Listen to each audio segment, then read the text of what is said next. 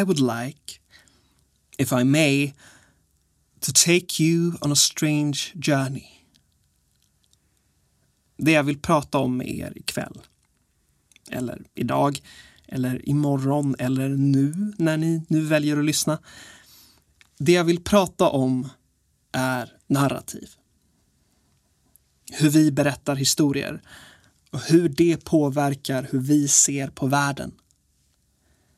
Jag tänker göra detta ur mitt eget, något begränsade perspektiv, varken som riktig expert eller självutnämnd intellektuell, varken som debattör, aktivist eller forskare, men utifrån mina egna livserfarenheter och utifrån mitt jobb som regissör, som ju faktiskt går ut på att berätta historier. Jag heter Sofie Orem Skoglund och det här är min mittårsrapport för Teatertribunalen. Now I don't know. Now I don't know. But I've been told. But I've been told. That's true of everything I think I know. Everything I think that I don't know. That I don't know. But I've been told. But I've been told. Yes, I've been told.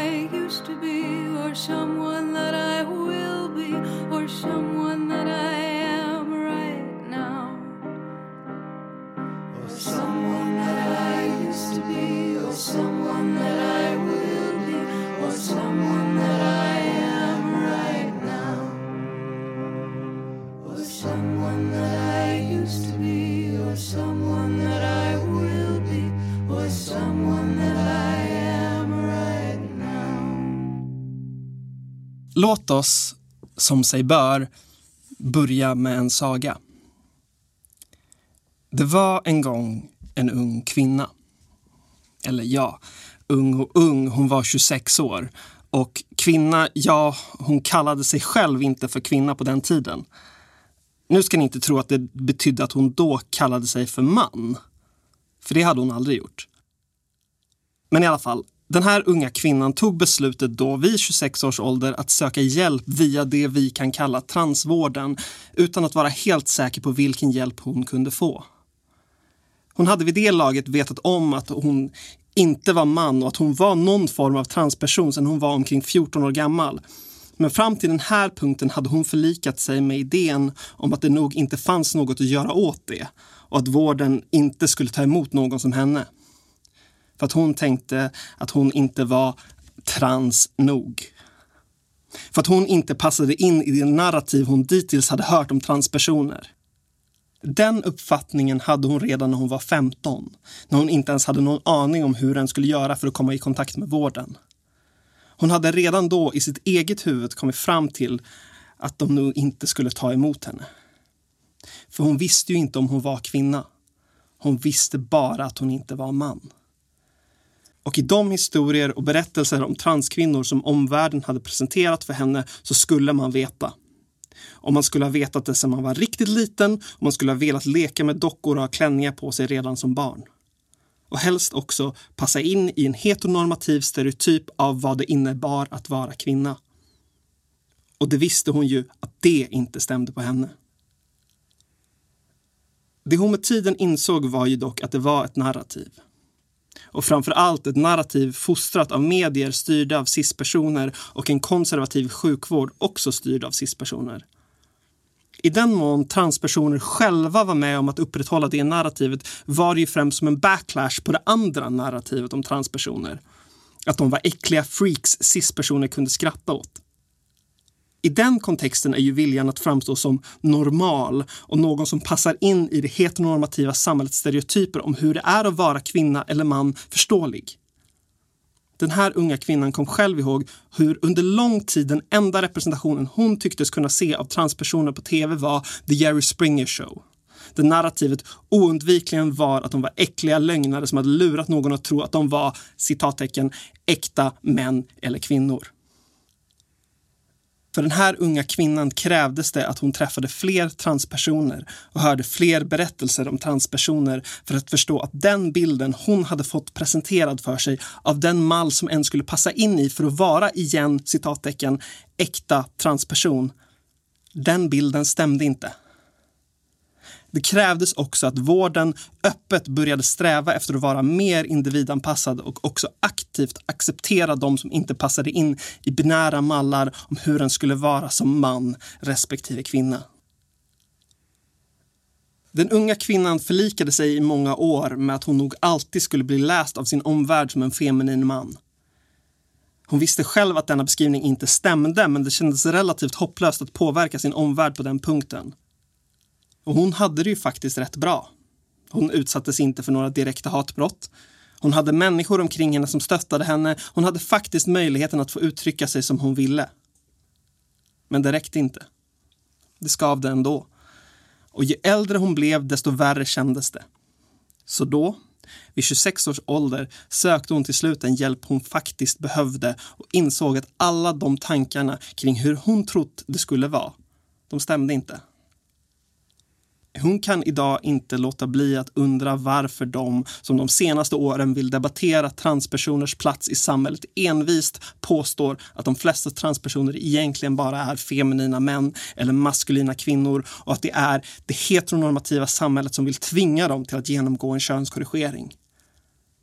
Den här unga kvinnan hade alla möjligheter och all support att bara vara en feminin man, men det hjälpte inte. Det var ingen som tvingade henne. Om något verkade folk avråda henne från det. För det är tydligen viktigare att oroa sig över att någon kan må dåligt senare än att de mår dåligt nu. Varför verkar så många cis-personer tro att de minsann kan genomskåda normerna som finns kring kön i ett patriarkalt samhälle, men transpersoner kan tydligen inte göra det? I min värld har det varit självklart att det snarare är just transpersoner som skärskådar sitt förhållande till sitt kön och normerna kring det mer än någon annan. Och här tänker jag citera Susanne Stryker från 1994. Hearken unto me, fellow creatures. I who have dwelt in a form unmatched with my desire. I whose flesh has become an assemblage of incongruous anatomical parts. I who achieve the similitude of a natural body only through a natural process. I offer you this warning. The nature you bedevil me with is a lie. Do not trust it to protect you from what I represent, for it is a fabrication that cloaks the groundlessness of the privilege you seek to maintain for yourself at my expense. You are as constructed as me, the same anarchic womb has birthed us both. I call upon you to investigate your nature as I have been compelled to confront mine. I challenge you to risk objection and flourish as well as I have.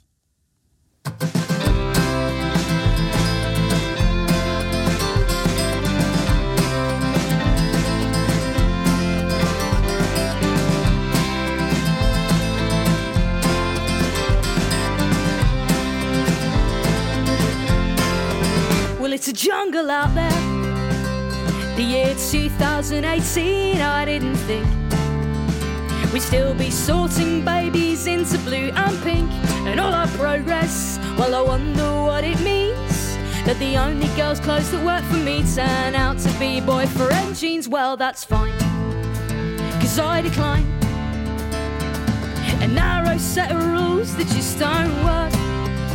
Cause these red lines but they're not mine.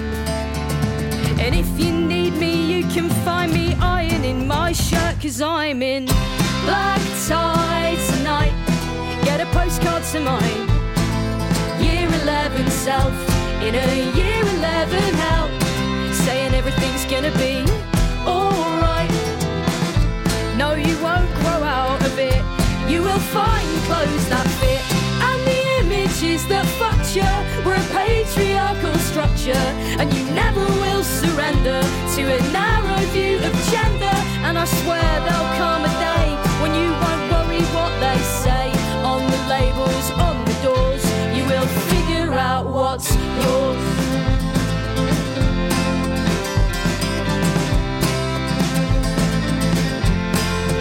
and it's a bloody nightmare. Trying to fight the spread of bigotry and fear. That's uniting Piers Morgan and Jermaine Greer and all our progress. Yeah, I wonder who it's for. When I dared to utter that trans lives matter, and all I got was a turf war. Well, that's fine, cause I decline. Your narrow set of rules, they just don't work. These red lines but they're not mine. If you need me, you can find me ironing my shirt, cause I'm in black tie tonight. Get a postcard to my Year 11 self in a year 11 hell, saying everything's gonna be alright. No, you won't grow out of it. You will find the clothes that fit and the images that fucked you patriarchal structure, and you never will surrender to a narrow view of gender. And I swear there'll come a day when you won't worry what they say on the labels, on the doors. You will figure out what's yours. You will figure out what's yours, and that it's got nothing to do with fitting neatly in a box make it seem like people come in just two teams and anything that's in between ain't good enough. And you will love, and you'll be loved, and you're in black tie tonight. Get a postcard to my year 11 self in a year 11 hell. Darling, everything's gonna be alright. No, you won't grow out of it. You will find clothes that fit. And the images that fucked you were a patriarchal structure. No, you never will surrender to that narrow view of gender. And there's folks you've yet to meet, but you're exactly up their street. And they've been waiting just as long to hear someone sing this song. And better the labels, on the doors. You will figure out what's yours. And girl, you're gonna be so happy. And girl, you're gonna be just fine. And girl, you're gonna be so happy.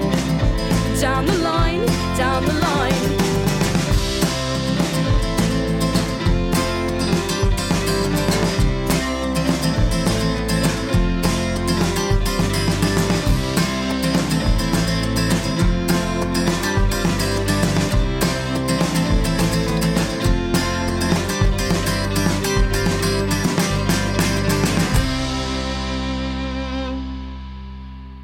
Människor berättar historier för att förstå världen.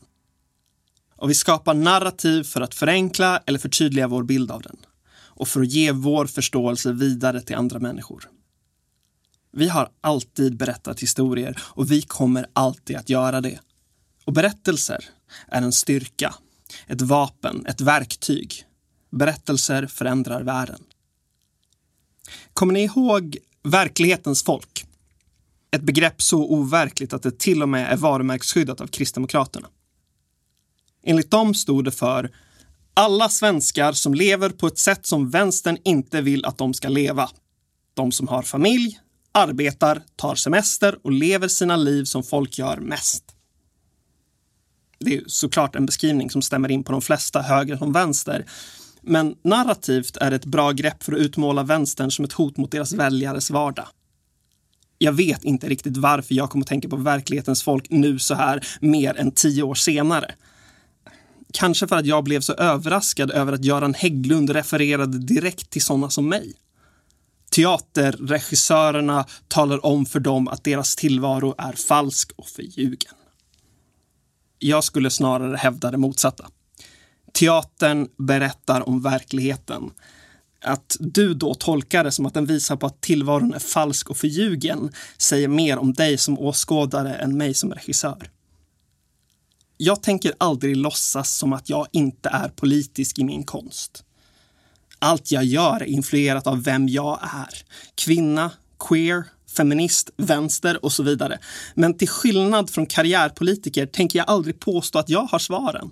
Snarare att det jag vill uppnå är frågor, diskussioner, tankar, förståelse, ifrågasättanden. Teater är alltid politiskt eftersom allt det vi presenterar är valt, medvetet eller omedvetet. Men när jag som teaterregissör presenterar en bild av världen vet vi alla att det är en bild. Ett utsnitt, en historia, något som reflekterar vår verkliga värld, ja, på gott och på ont, som kommenterar eller kritiserar, som förhoppningsvis sätter igång något, antingen emotionellt eller intellektuellt hos åskådaren. Men det är också bara en reflektion, inte verkligheten i sig. Till och med dokumentärteater bygger ju på att använda teatrala medel för att berätta något som i sig är sant. Att slipa elementen som används för att berätta historien som ska berättas på bästa möjliga sätt. Vi vet att det vi presenterar, det presenterar vi som historier, inte objektiva sanningar om verkligheten på det sätt som KD gör när de påstår att det finns folk som lever mer i verkligheten än andra. De som enligt Hägglund tydligen inte har något intresse av varken kultur eller politik, för de har inte tid att förhålla sig till alla konstigheterna. Utom när det gäller att bli upprörda då. Den tiden har de tydligen till konstigheterna. När populisterna säger så här är verklighetens folk. Så här är den äkta svensken, så här är kultureliten eller vad de nu kan komma på, så berättar de också bara historier och hittar på narrativ.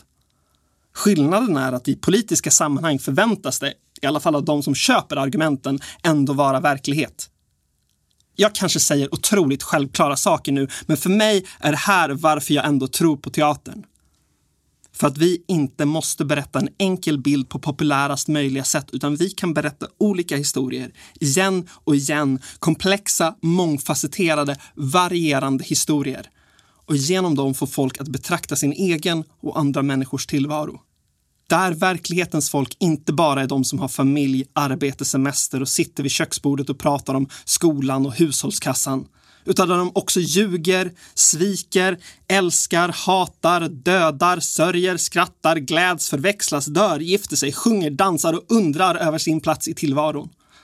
Där de är från olika samhällsklasser, bakgrunder, åldrar, kön, sexualiteter, etniciteter, från nutiden, från framtiden, från fantasin, från verkligheten. Där de är som folk är mest. Komplexa varelser som inte går att koka ner till en kampanjslogan. För det är det. Vi skapar narrativ för att förenkla och förstå tillvaron, men genom att göra det väljer vi också bort saker. Vi kan aldrig berätta den hela bilden av någonting. Jag har i alla fall valt ett yrke där jag inte låtsas som något annat.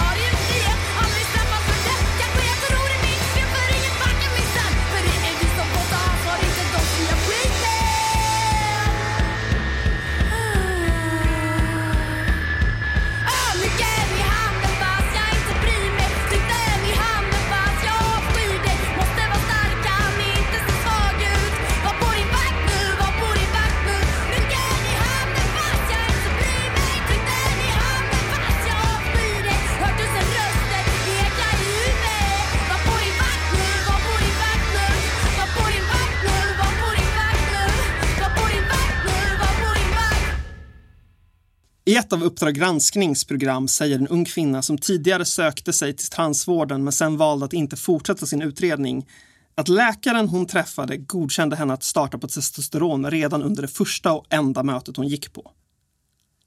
Det är rätt intressant att detta får stå som ett okommenterat anekdotiskt bevis.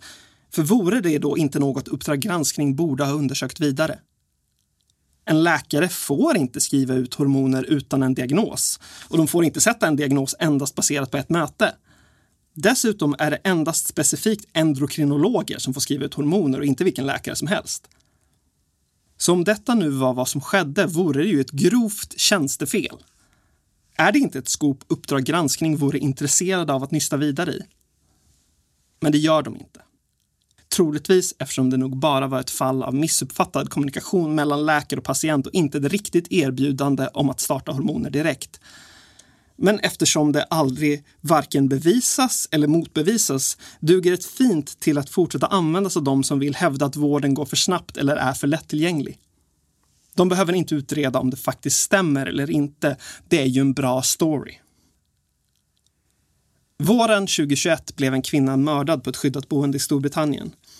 En känd feministisk Labour-politiker skrev då på sin Twitter att mördaren var en man som lurat sig in på boendet genom att framstå som en kvinna. När det ganska så snabbt visade sig att det bara var en vanlig cis-kvinna som hade mördat en annan cis-kvinna tog hon bort sitt inlägg men hon kom aldrig med någon förklaring eller ursäkt för sin hobbyteori som bidragit till att misstänkliggöra transkvinnor. Och för att hon inte kom med en förklaring blev narrativet rätt snabbt att hennes första påstående såklart var sant egentligen och hon endast tog bort det för att hon hade blivit nedtystad. Samma vår rasades det plötsligt över att Vårdguiden 1177 tydligen hade tagit ställning för att undvika att använda ordet kvinna i många artiklar. Något som av många då skylldes på som att det var transpersoners fel. För att de inte kan acceptera att det fortfarande finns män och kvinnor eller vill utradera begreppet kvinna.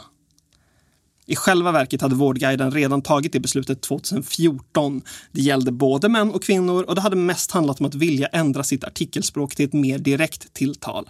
Till exempel du som är gravid istället för den gravida kvinnan.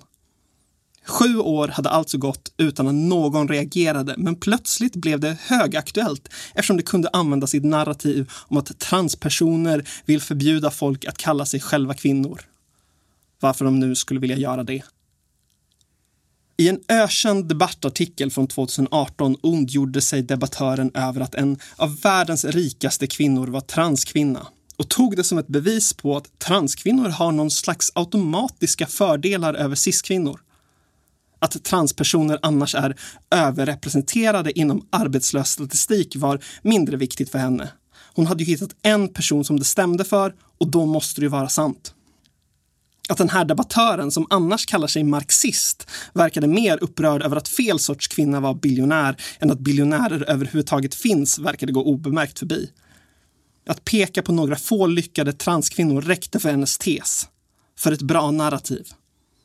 Vi vet alla att vi blir mer engagerade av att läsa om enskilda individer som vi ska gråta eller förfasas över istället för att ta oss igenom riktig fakta och statistik. Anekdotisk bevisföring i sitt esse är det inte tydligt att narrativet om transpersoner som presenteras idag är i stort sett samma narrativ som presenteras om de flesta minoritetsgrupper. Precis som rasisterna tror att invandrare ska ta deras jobb verkar människor som annars kallar sig feminister tro att alla transkvinnor självklart kommer få någon slags manliga fördelar på arbetsmarknaden framför citattecken riktiga kvinnor. När det pratas om att vi inte i lagen kan göra det enklare för transpersoner att byta juridiskt kön.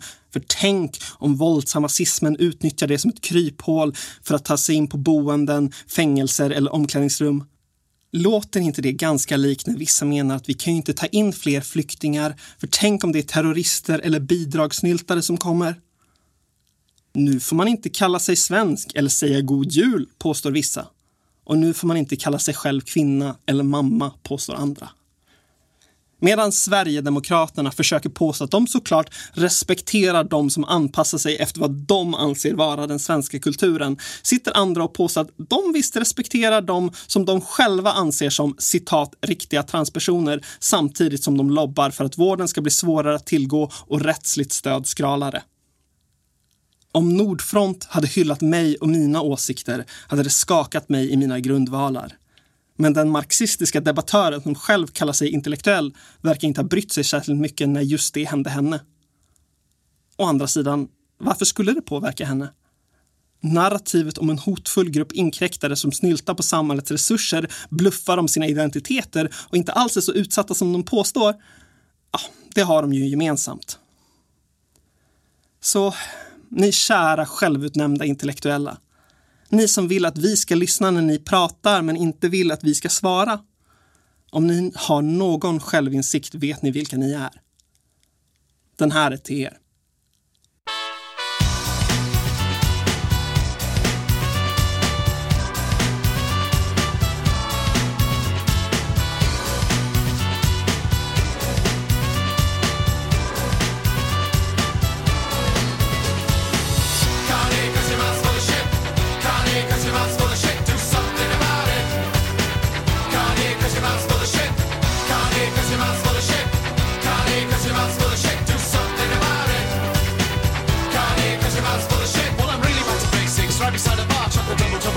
Jocko with the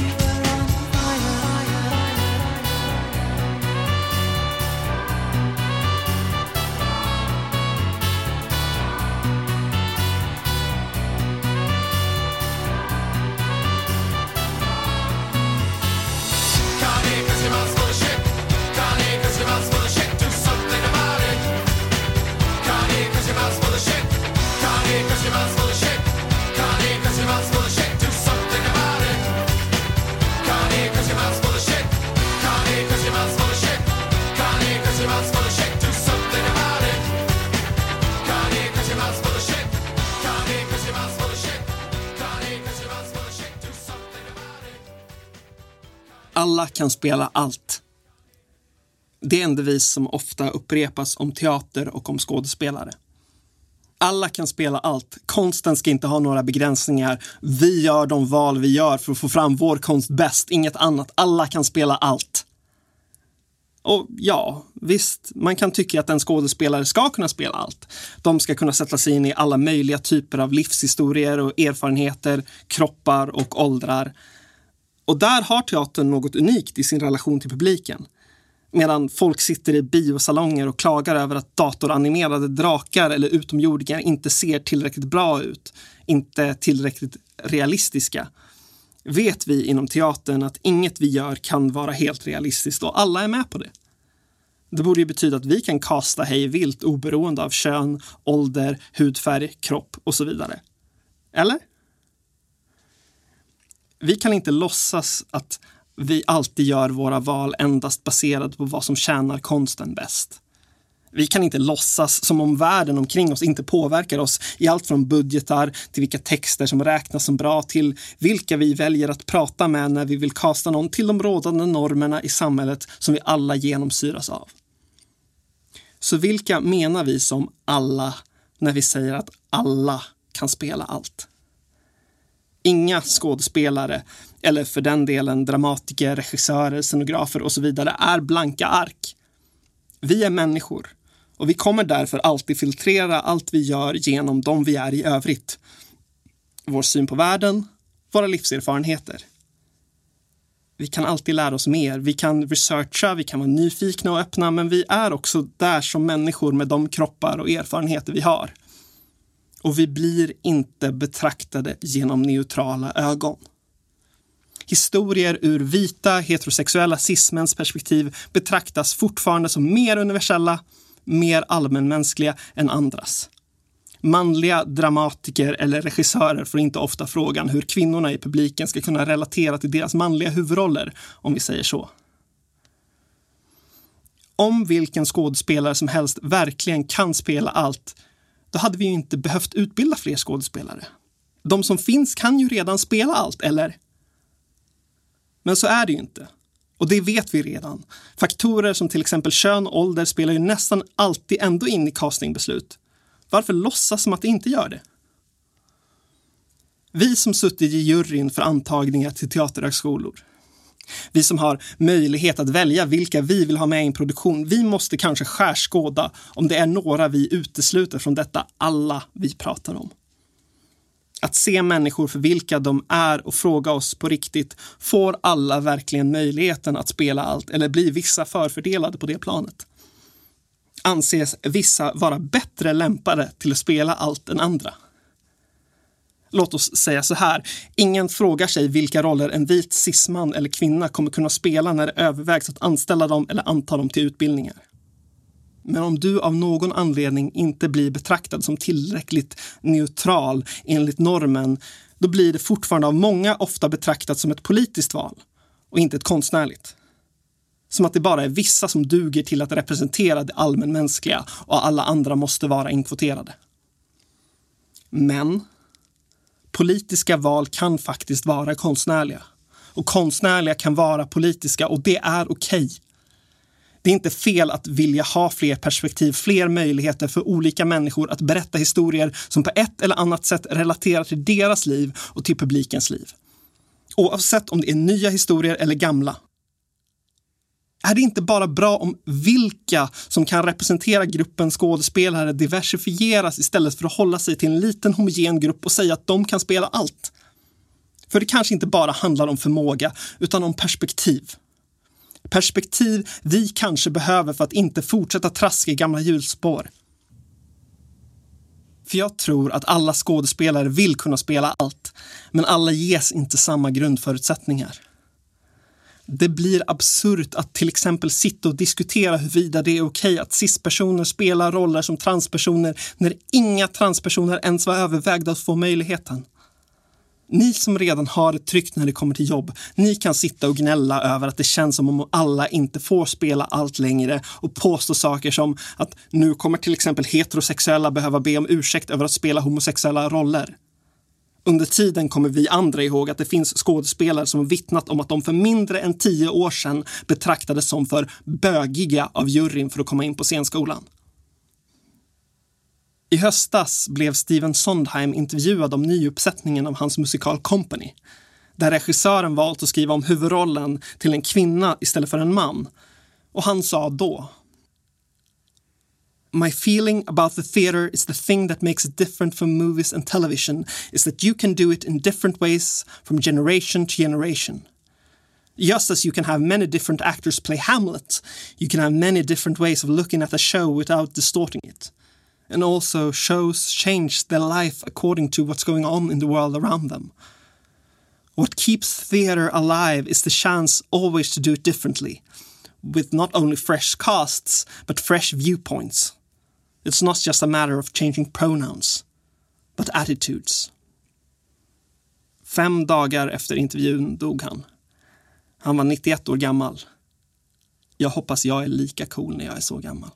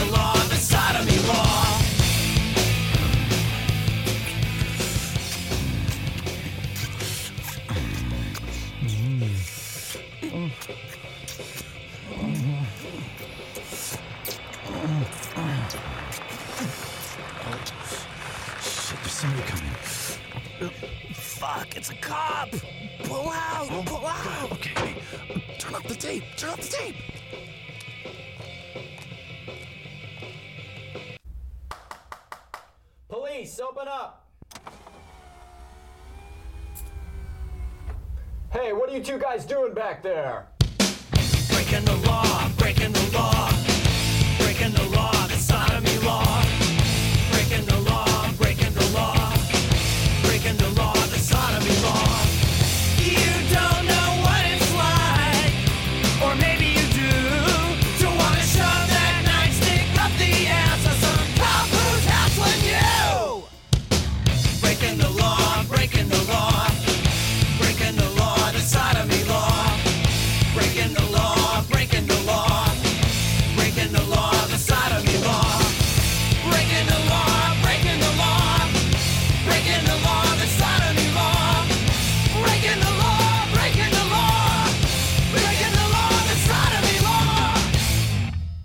Apropå det här med perspektiv. Judas Priest gjorde Breaking the Law 1980. När Pansy Division spelade in sin cover, som ni precis hörde, 1997 valde de att med några få textförändringar specificera att det var just sodomilagar de bryter emot. Var det ett helt nytt perspektiv på en gammal låt eller lyfte de bara fram en undertext som redan fanns där eftersom Priests sångare själv var i garderoben när låten skrevs? I alla fall, som ni kanske märker pratar jag inte så mycket om mig själv. Eller snarare, det jag berättar om mig själv är väl kanske precis det man förväntar sig att en ung, queer, feministisk teaterregissör ska prata om när man ger henne möjligheten att prata om vad som helst i en podd organiserad av en gammal vänsterteater. Om representation, om transpersoners rättigheter och om perspektiv på teater. Men är det det hon vill prata om? Eller det hon känner att hon borde prata om för att det så sällan är röster som henne som faktiskt får höras och prata ur sitt eget perspektiv? Är de förväntningarna ni har på henne de samma som hon har på sig själv? De som känner mig vet att jag kan babbla på rätt bra kring ämnen som intresserar mig. Eh, Häromnatten natten förklarade jag hela Per Gynt från start till slut bara för att det var kul. Ändå är den här mittårsrapporten otroligt svår att skriva. Kanske för att det snarare är ämnen som jag känner ett ansvar att prata om än ämnen som på riktigt intresserar mig. Eller nej, jag tycker det är intressant att prata om kultur och politik. Men det är en svår balans att veta när man pratar om det för att man vill prata om det och när det är för att man känner att man måste. När man är queer, när man är transperson, blir det på något sätt också förutsatt att man är aktivist. För att våra liv och vår tillvaro är politiserade. En förväntas vara beredd på att debattera eller svara på frågor även om en inte vill eller är ointresserad. Jag har alltid varit kolossalt obrydd av sport. Ändå förväntas det vara rimligt att prata med mig om hur man ska hantera citattecken transfrågan när det kommer till just sport. Jag har fått höra av forskare som påstod sig vilja forska på transpersoners hälsa för att bättre förstå bieffekter av mediciner och liknande, att det är helt okej att de istället använder sin forskning för att argumentera kring transpersoners varande eller icke-varande inom sport eftersom det var ett ämne som folk tyckte var mer intressant. Om sport anses vara viktigare än människors hälsa så är det hög tid att bara förbjuda alla från att delta och lägga ner hela skiten. Där har ni min åsikt om sport. Det är en lyx att inte bry sig ibland, en lyx som är mer reserverad för de som tillhör normen. Så jag pratar kanske inte så mycket om mitt liv och vad jag har åstadkommit. För det känns på sätt och vis futtigt när vi har större narrativ att brottas med. Om det gör att jag passar in i någons förväntningar istället för att överraska dem, så får det kanske vara så.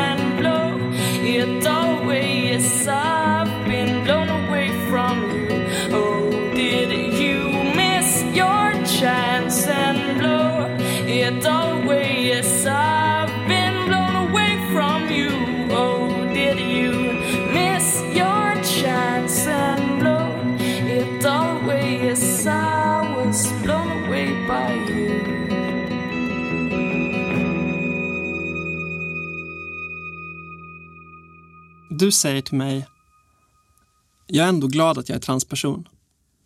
Tänk vad tråkigt livet vore annars. Och jag tror jag håller med dig, även om jag ibland längtar efter ett lite tråkigare liv. Ett liv där jag bara får ägna mig åt dig. Åt matlagning, åt skivsamlingar, serietidningar och promenader och åt teatern. Utan att behöva tänka på de tv-program, böcker och artiklar som görs om oss utan att prata med oss. På lagarna i USA som gör det förbjudet att prata med barn om att hbtqi-personer finns. Ett liv där jag inte behöver oroa mig över att mina mediciner ska tas ifrån mig eller att mina juridiska rättigheter ska kompromissas bort för att Sveriges tredje största parti ser mig som avvikande och att personer som annars kallar sig vänster verkar hålla med dem på just den punkten. Där min existens inte ses som något politiskt. Ett liv där jag bara får vara. precis som vem som helst. Men samtidigt, skulle jag vilja vara någon annan? I helvete heller. Jag skulle aldrig ge bort min upplevelse av att vara den jag är. Att jag är queer, att jag är kvinna, att jag är transperson. Det har gett mig perspektiv jag aldrig skulle haft annars. Det har gjort att jag inte kan ta saker för givet även om mina privilegier som vit medelklassvensk med en bra utbildning aldrig försvinner. Jag är stolt och glad att jag är den jag är. Det finns ett narrativ av att om du är queer, om du är transperson, så kommer du per automatik ha ett jobbigare och mer smärtsamt liv. Men det är inte sant. Det finns ingen automatik i det. Det är för att vissa bestämmer sig för att göra ens liv mer jobbigt och smärtsamt. Det är ingen inbyggd självklarhet. Att vara homofob, transfob, rasist och så vidare är ett val. Ibland ett omedvetet val, men ändå ett val. Att vara sig själv är inte det. Så nej, jag vill inte ha ett tråkigare liv. För tänk ändå vilket tråkigt liv man måste ha när man spenderar så mycket av sin tid med att obsessa över transpersoner utan att själv ens vara en. Så nu till slut frågar jag mig själv, eftersom ni som lyssnar tyvärr inte får möjligheten att ställa frågan. Jag fick möjligheten att prata om vad jag ville i det här programmet. Varför valde jag då att prata om det jag gjorde? Om jag nu tycker det är jobbigt med de här ämnena, varför pratar jag då om det? Och det är för att jag kan. För att jag får det här forumet. För att jag kan sitta här, vilken tid ni nu väljer att lyssna och säga Jag heter Sofie Orem Skoglund och jag har nog ändå ett bra liv. Är det smärtfritt? Nej. Men det är fyllt med de sakerna som gör mig glad. Med de jag älskar, med matlagning, med nördgrejer och med teater. Alltid mer teater.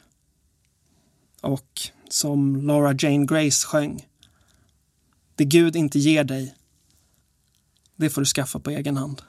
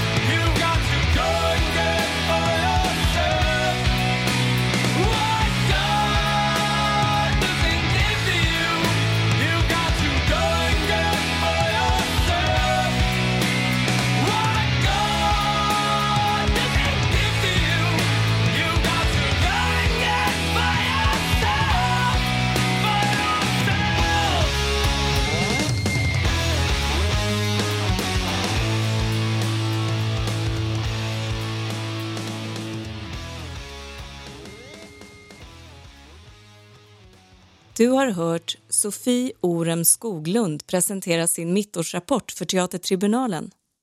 Musiken som spelades var I don't know ur musikalen Ghost Quartet Black Tie med Grace Petrie Nyckeln i handen fast jag inte bryr mig med Katthem Mouthful of shit med Chumbawamba Breaking the law med Pansy Division Blow med Susanna and the Grinders Bamboo Bones med Against Me Fler mittårsrapporter hittar du på tribunalen.com och där poddar finns.